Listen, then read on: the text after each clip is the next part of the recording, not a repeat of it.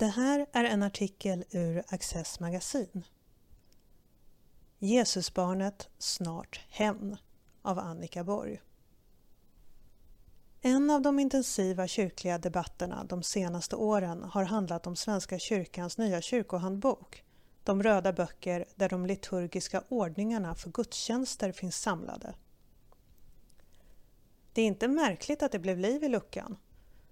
Uppdraget som kyrkans beslutande organ gett var att göra en varsam översyn av 1986 års kyrkohandbok. Inte att ett självutnämnt kvinnligt kompisgäng i maktens centrum skulle producera en helt ny. Men så blev det och ut kom en kyrkohandbok av milt uttryckt skiftande kvalitet. Ni minns kanske hur Kungliga Musikaliska Akademin och Sveriges kyrkomusiker gav svidande kritik när banden till det kyrkomusikaliska arvet kapades och att Svenska Akademin förbluffades över det taffliga språket. Teologer skakade på sina huvuden och undrade över kompetensen hos den lilla krets som gett sig själva uppdraget att omformulera gudstjänsternas innehåll. Den nya kyrkohandboken kuppades helt enkelt igenom. Nu är det dags igen. En notis i tidningarna skvallrade om att Svenska Bibelsällskapet beslutat att det år 2026 ska finnas en nyöversättning av Nya testamentet. Då är det 500 år sedan den första svenska bibelöversättningen kom.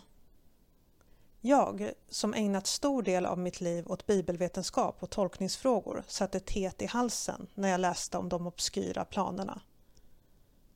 Den senaste svenska officiella bibelöversättningen av Nya testamentet kom så sent som år 1981. Vid millennieskiftet var även översättningen av Gamla testamentet färdig och hela Bibel 2000 kunde då tas i bruk. Båda översättningarna är resultatet av många års gediget och koncentrerat språkligt, historiskt och litterärt översättnings och tolkningsarbete. Bibel 2000 var den sista svenska bibelöversättningen som utfördes inom en statlig ram.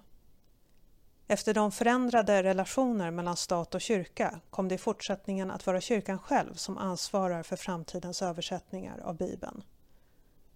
Medlen för det finns i en bibelfond, en fond som består av pengar som kommer från intäkterna av försäljningen av Bibel 2000. Så varför ska Bibelfonden nu tömmas på många miljoner för att göra en icke efterfrågad nyöversättning av NT81 som inte ens har fått leva och verka i en generation? Svaren jag finner är krystade. Ett av dem är att en ny översättning skulle vara ett bra sätt att uppmärksamma 500-årsjubileet. Men vore det då inte bättre att lyfta fram och fira Bibel 2000?